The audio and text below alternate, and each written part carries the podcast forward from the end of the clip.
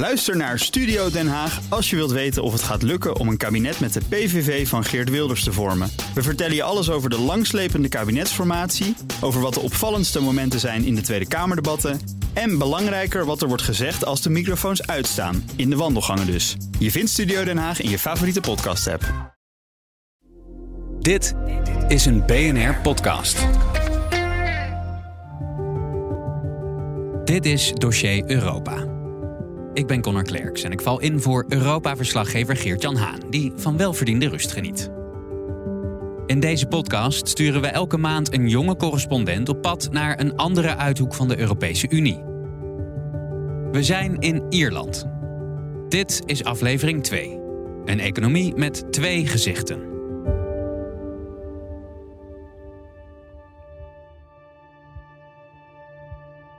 Europa is in de ban van een politieke en maatschappelijke omwenteling. Populistische leiders, meestal op de rechterflank, maken een serieuze kans om verkiezingen te winnen.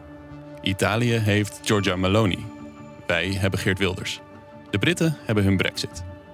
Maar aan de overkant van het Verenigd Koninkrijk ligt een EU-lidstaat die deze dans weet te ontspringen. In Ierland speelt politiek populisme geen rol van betekenis. Integendeel, het land mag dan keihard geraakt zijn tijdens de financiële crisis, maar heeft daarop gereageerd met een progressieve sociale transformatie. Dat leidde tot de legalisering van abortus en tot het homohuwelijk. Notabene via referendums die, anders dan bij de Britten, het land niet verscheurden. Sterker nog, Ierland doet het wonderbaarlijk goed. Het land heeft met afstand de beste groeicijfers van de Europese Unie. Er waren zelfs kwartalen waarin de Ieren de Europese economie eigenhandig van krimp behoeden. Ook wist Ierland na de brexit de meeste bedrijven uit het Verenigd Koninkrijk weg te lokken. Geholpen door het aangename belastingregime haalt Ierland zoveel geld op bij de grote multinationals dat de regering een staatsfonds van 65 miljard aan het aanleggen is. Maar onderhuids begint het ook te borrelen. Die Amerikaanse multinationals zijn te dominant en trekken de economie uit balans. Een ernstige huizencrisis en torenhoge migratie hebben de sociale spanningen opgevoerd.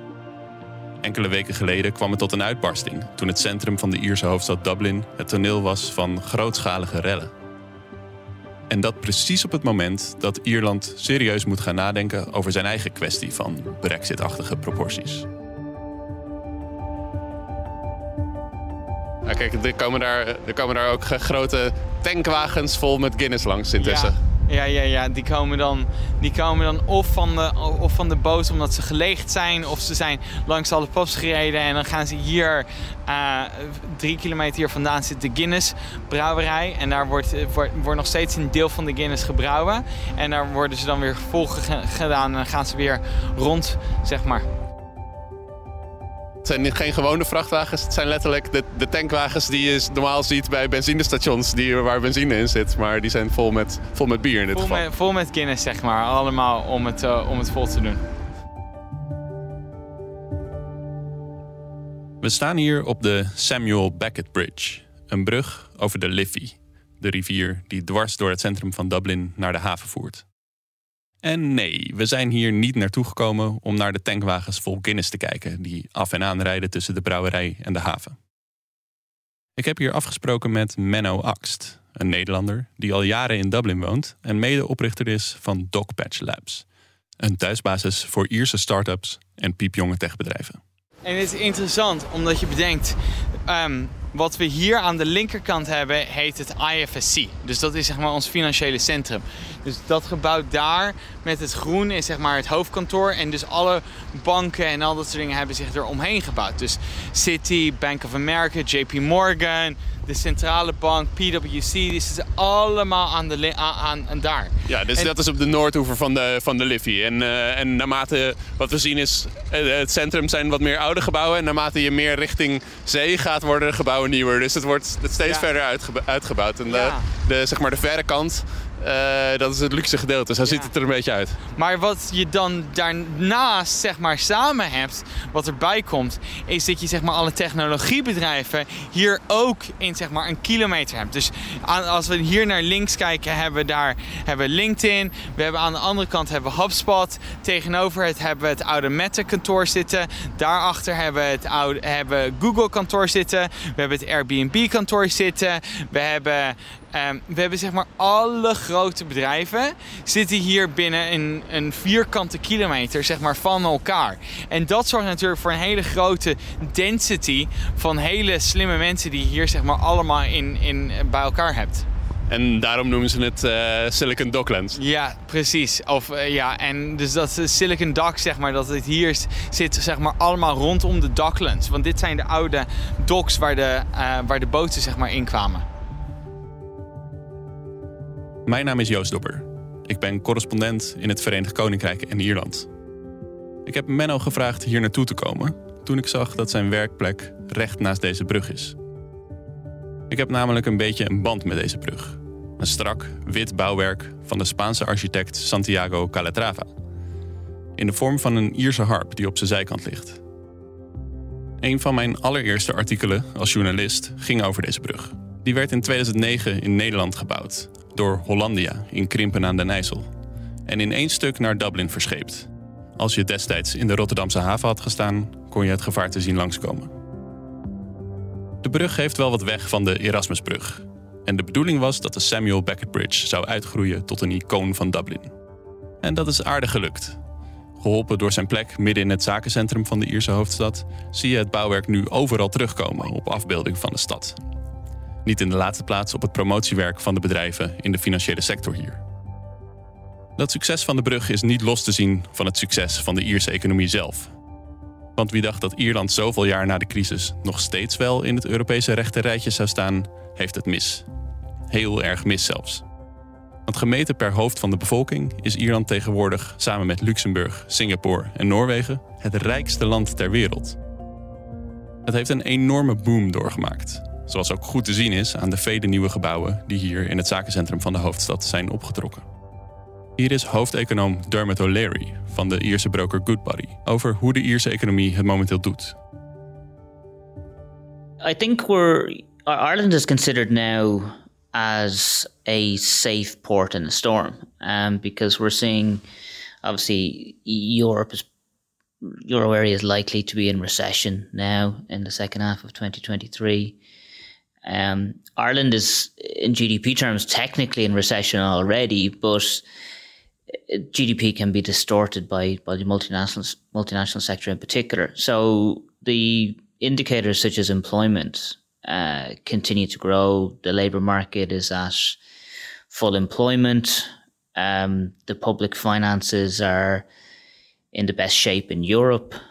Um, we have household and bal- household and business balance sheets also in fine shape. So, in the context of all of these international risks, Ireland is is being seen as in probably the best shape in in Europe, uh, and that's the feedback that we get from investors, and I think it is backed up by by the evidence. Ierland staat er goed voor. O'Leary spreekt zelfs van een embarrassment of riches. Ierland heeft zoveel geld dat het niet weet wat het ermee aan moet. De economische groeicijfers zijn duizelingwekkend. 13,6% erbij in 2021 en 12% in 2022. Er waren zelfs kwartalen dat de Ierse wondergroei eigenhandig de hele eurozone voor een recessie behoedde.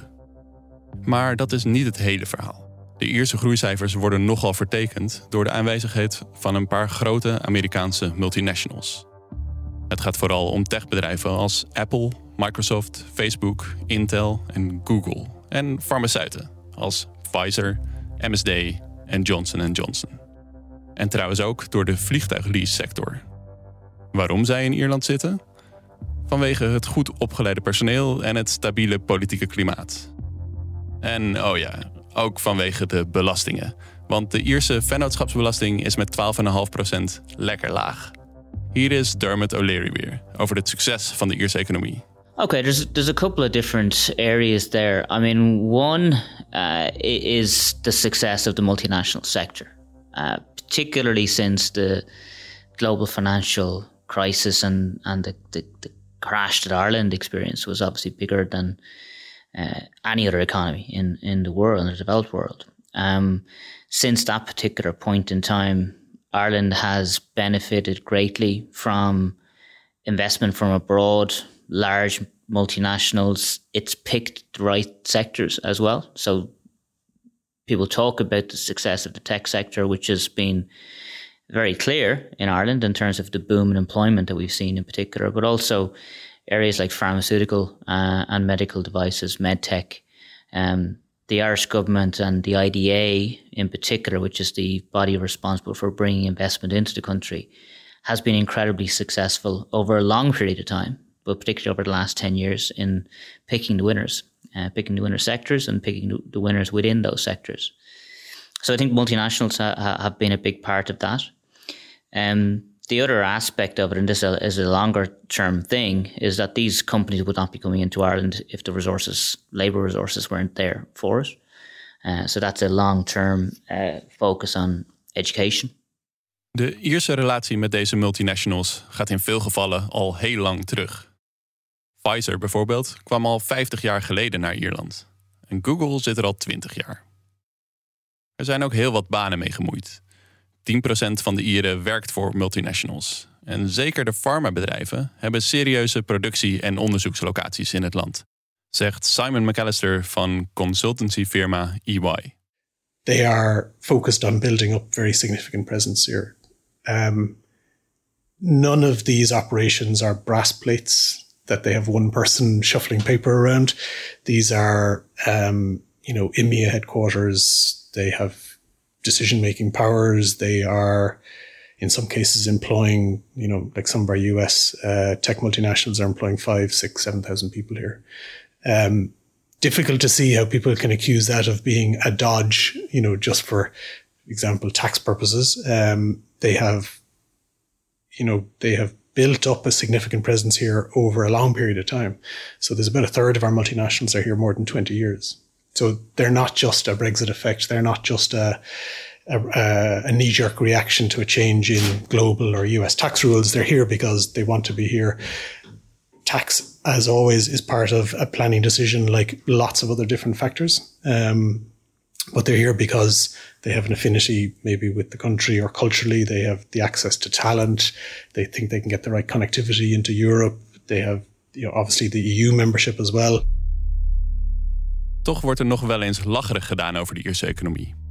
Omdat het gunstige belastingregime duidelijk een grote rol speelt. Dat zorgt nog wel eens voor uitschieters. Toen Apple in 2015 besloot zijn intellectueel eigendom in de Ierse vennootschap te stallen, schoot het BBP van Ierland prompt met 25% omhoog. Leprechaun Economics, zo oordeelde Nobelprijswinnaar Paul Krugman naar het kabouterachtige wezen uit de Ierse folklore. Een fabeltje. Ook de Ieren zelf gebruiken liever niet het BBP als indicator voor economische groei. Maar de aangepaste binnenlandse vraag, een indicator waarmee dit soort volatiele effecten weggefilterd worden. En ook op die manier bekeken zijn de prestaties van de economie nog steeds prima.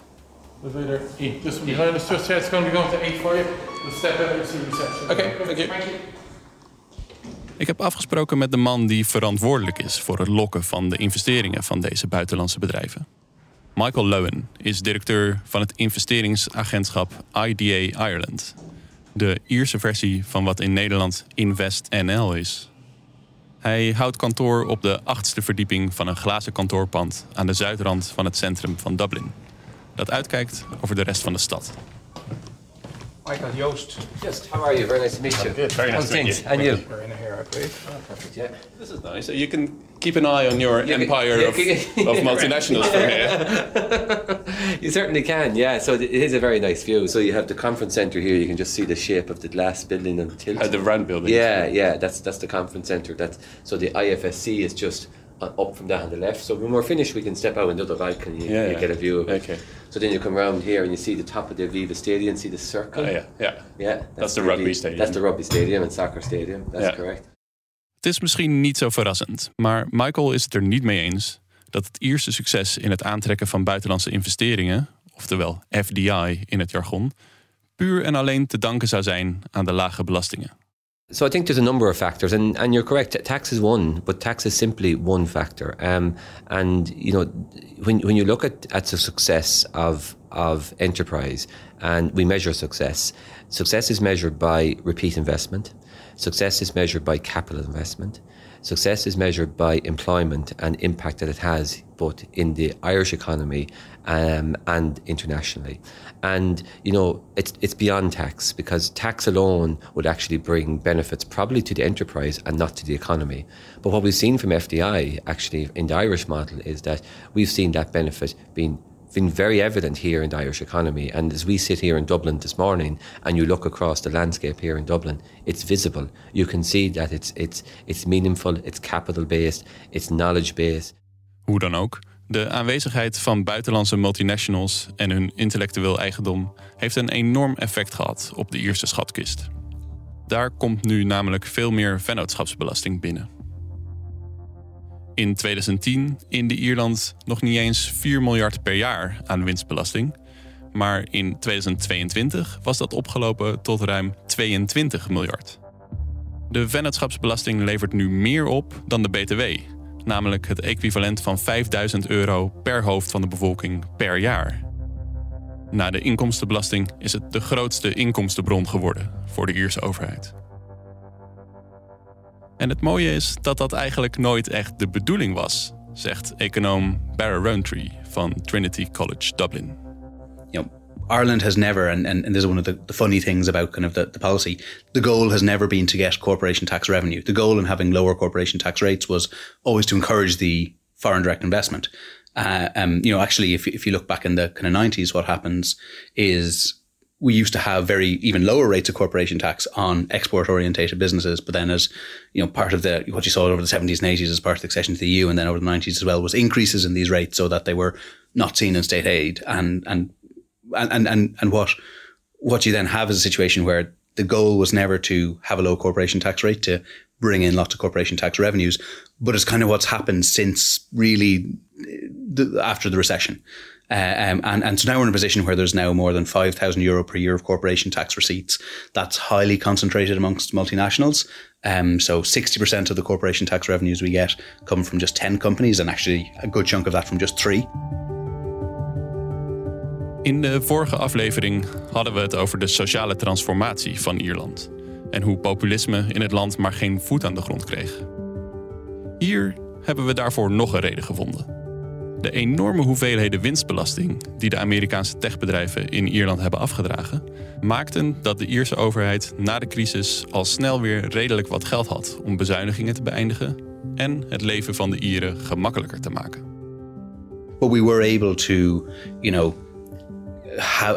increase welfare payments again and, uh, uh, earlier than we would have. We were increased spend, uh, public spending programs, have taxes uh, reduced. So that there's all these things we were able to do, in particular in that post recovery period, by virtue of having this corporation tax receipt, which again was was very much a windfall and wasn't the intention of policy. And and I know, I know that's not necessarily maybe how it's seen elsewhere in Europe, but if, if you do go and look at what the, what what policymakers were trying to achieve at, at this time and earlier, the aim was never to we didn't we weren't looking for the corporation tax receipts. We were looking for their activity in the company and we, uh, in the country, and we got that worked. Like you got lots of this foreign direct investment. You got a lot of particularly American multinationals establishing a presence here.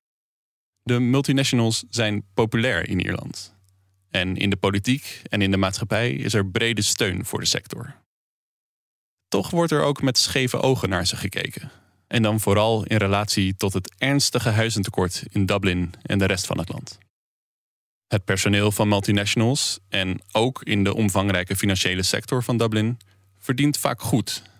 En langzaamaan is Dublin zich naar hun wensen gaan voegen, zo is het gevoel. Volgens Eurostat is het dagelijks leven in Ierland 42% duurder dan het Europese gemiddelde, waarmee het na Denemarken de prijzigste lidstaat van de EU is. Dit is wat Menno, de Nederlander uit het begin van de aflevering, mij erover vertelde.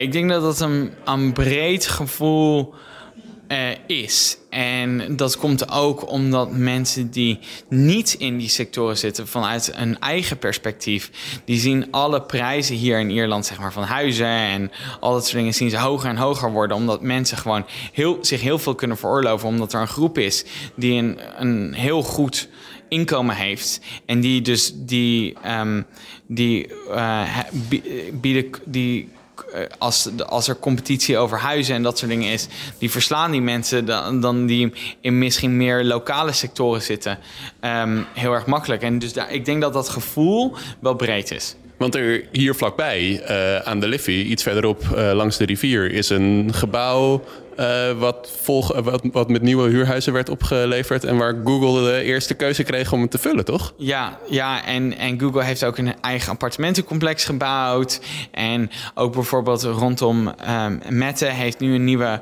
heeft een grote nieuwe campus in het, in het zuiden van Dublin gebouwd. En heeft allemaal appartementencomplexen daaromheen, zeg maar, uh, keuze voor gekregen ook. Dus je ziet ook dat die mensen minder, dat, dat het moeilijker wordt voor anderen om zeg maar toegang te krijgen tot.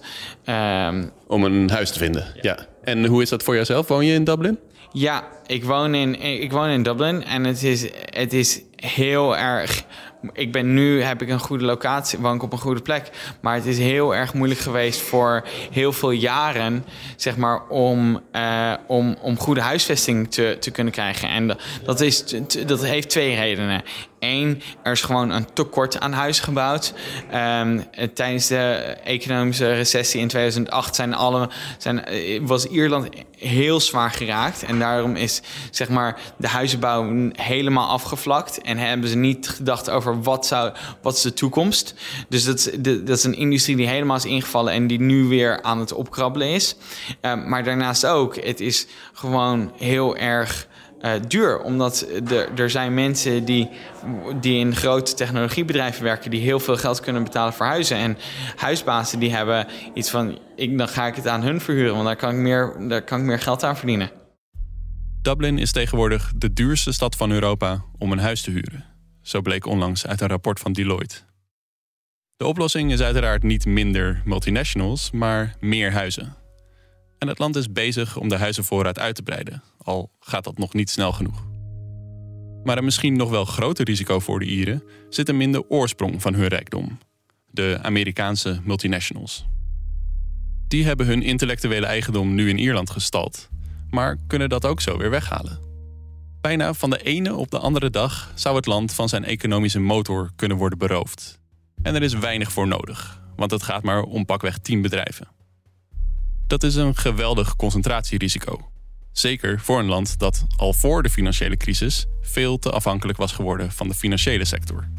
In 2021 schatte de overheid dat tot wel 40% van de toen nog 15 miljard aan vennootschapsbelasting vluchtig genoeg was om zomaar weer te vertrekken.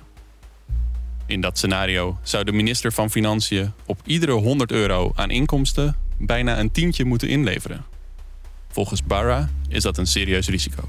It's a real concern and I think it's something that economists both you know at the fiscal advisory council here but also economists in the universities and think tanks have been warning for a long time is that we shouldn't be ramping up levels of public spending at the rate that we are doing off the back of these corporation tax receipts and again so it's a good thing that the government have recently started to put aside some of this money they're still not putting aside all of the increase because we're still seeing corporation tax receipts coming in higher than anticipated. But it is the case that we are, you know, we are only in surplus or only going to be in surplus because of these receipts. And that if they disappear and if they disappear suddenly, it's going to lead to problems. And whether those are immediate problems or whether those are broader problem, you know, kind of more medium, longer run problems about having to raise that revenue elsewhere, that's a real challenge that policymakers will have to come to grips with, and again, is a real risk on the horizon. Um, and isn't going to be pleasant if it happens. En het is zeker niet helemaal stil op dit front. Op dit moment wordt in OESO-verband gewerkt aan een mondiaal minimumtarief van 15% voor de vennootschapsbelasting. Om die reden is de Ierse vennootschapsbelasting zojuist opgehoogd tot die 15%. Dat levert op korte termijn natuurlijk een grotere opbrengst op. Maar als onderdeel van dit proces wordt er gekeken naar nieuwe regels over waar winsten geboekt worden. En die kunnen Ierland hard raken. En dan is er nog de kwestie van wie er straks in het Witte Huis woont. Stel dat Donald Trump weer president wordt, dan is het niet ondenkbaar dat hij het Amerikaanse bedrijfsleven onder druk zal zetten om hun winsten terug te halen naar de VS. Daarom besloot de Ierse regering dit jaar om het grootste deel van deze hoge belastingopbrengsten niet in de begroting op te nemen, maar in een spaarpot te stoppen. Een nieuw Iers staatsfonds van 65 miljard als buffer indien er in de toekomst grote extra uitgaven nodig zijn. En nu is er een sluimerende en kostbare kwestie die sinds de Brexit snel aan belang heeft gewonnen. Het debat over de hereniging van Ierland en Noord-Ierland. Daarover meer in aflevering 3.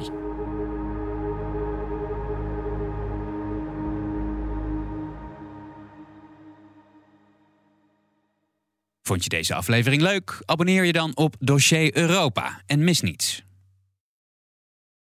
Ook Bas van Werven vind je in de BNR-app. Ja, je kunt live naar mij en Iwan luisteren tijdens de ochtendspits. Je krijgt een melding van Breaking News. En niet alleen onze podcast Ochtendnieuws, maar alle BNR-podcasts vind je in de app. Download nu de gratis BNR-app en blijf scherp.